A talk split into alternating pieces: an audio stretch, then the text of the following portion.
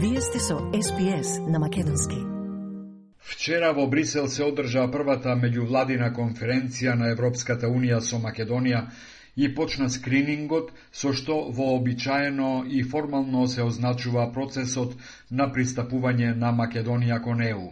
Сепак, за вистински почеток на преговорите, Македонија е условена со менување на уставот за во него да биде внесена бугарската малсинска заедница што живее во Македонија. Тоа и во воведната изјава на ЕУ и на пресконференцијата што се одржа поседницата, го нагласи и министерот за надворешни работи на Чешка, актуелниот председавач со Унијата Јан Липовски.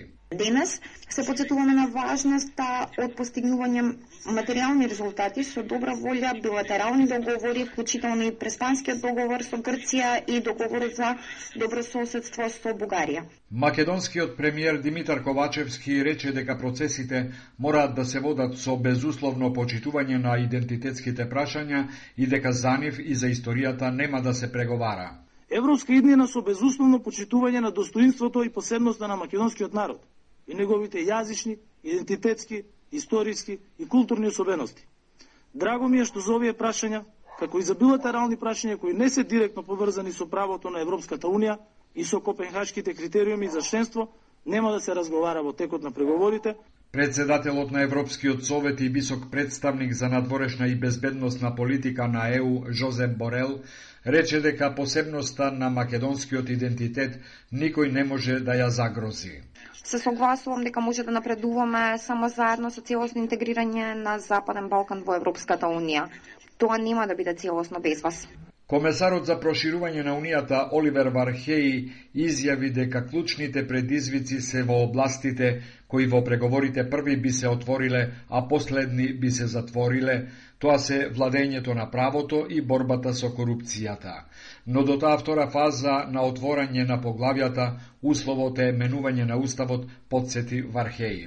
Вархеј ја повика македонската опозиција на конструктивна соработка ги читав изјавите и на опозицијата, секако. И тие секогаш тврдат дека се посветени да се случи ова членство на земјата и па ајде да го докажеме тоа. Според премиерот Ковачевски, дали ќе има отворање и на следната страница, што пак во практиката ќе значи отворање на преговарачките кластери, е одговорност на сите политичари во земјава.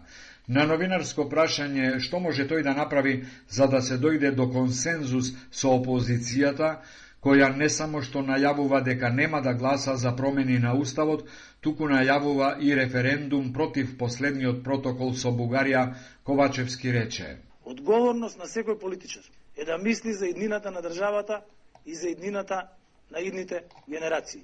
Не сме политичар да мисли само на својот личен рейтинг и на својата политичка кариера. Затоа зашто денес паднаа во вода сите манипулации, сите шпекулации, се она што беше кажано, а не беше вистина. Вчера попладне во Брисел тимови од земјава и од ДЕУ го одржаа првиот состанок на така наречениот скрининг процес, што значи испитување на усогласеноста на правото на ЕУ со состојбите на земјата кандидат, за да може таа да се подготви за влез во Унијата. На вчерашниот состанок се обратија вице-премиерот за европски прашања Бојан Маричич и министерот за надворешни работи Бујар Османи соопшти владата.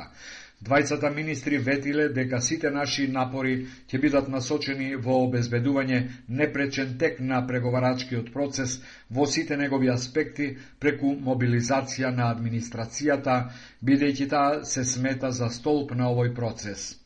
Оливер Вархеј на состанокот за скринингот рекол дека ЕУ не сака да губи време ни еден момент. Првата меѓувладина седница во Брисел ги скара власта и опозицијата. Антонио Милошовски од ВМРО ДПМН е на пресконференција упати прашање до власта. Ако е успех првата меѓувладина конференција, зошто не го повикате народот на прослава? Денес во Брисел имаме две држави, од кои што едната Албанија реално ќе ги започне преговорите со отварање на реална меѓувладина конференција и Македонија која што ќе има свечен ручек и фотографија и нема да ги започне преговорите, туку ќе се врати дома за да ги исполни уцените и барањата од Бугарија. Доколку е историски ден, нека одат на плоштад и нека го повикаат народот на заедничка прослава.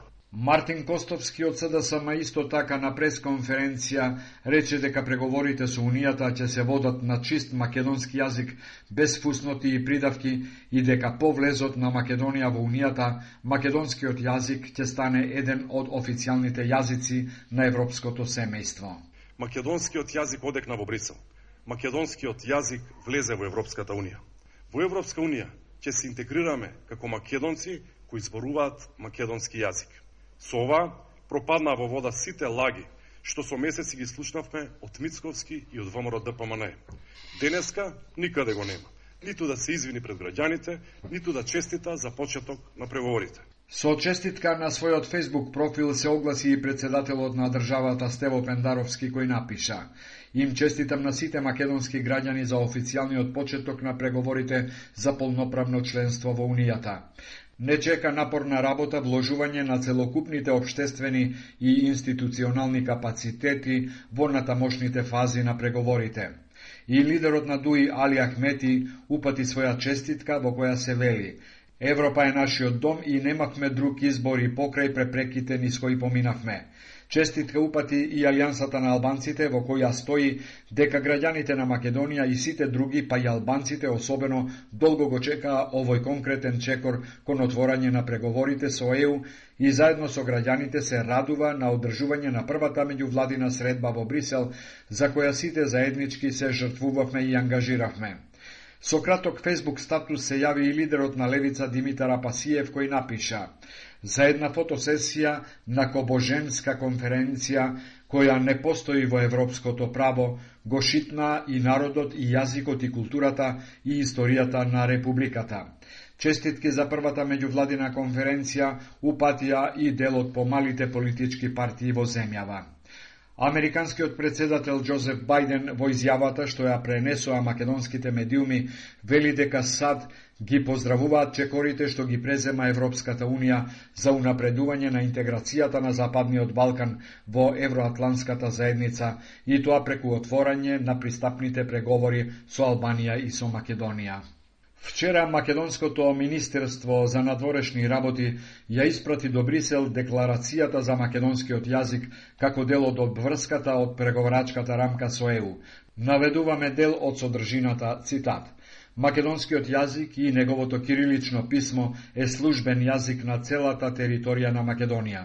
Сите документи што се склучуваат со Европската Унија треба да се подпишат со поименично наведување на македонскиот јазик без било какви објаснувања, додавки или фусноти.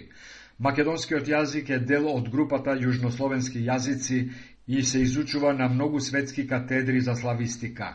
Литературниот македонски јазик е кодифициран Во 1945 година македонскиот јазик беше признаен од третата конференција на Обединетите нации за стандардизација на географските имиња одржана во Атина во 1977 година, пишува во македонската изјава за јазикот. СПС на македонски на мобилен преку интернет и на радио.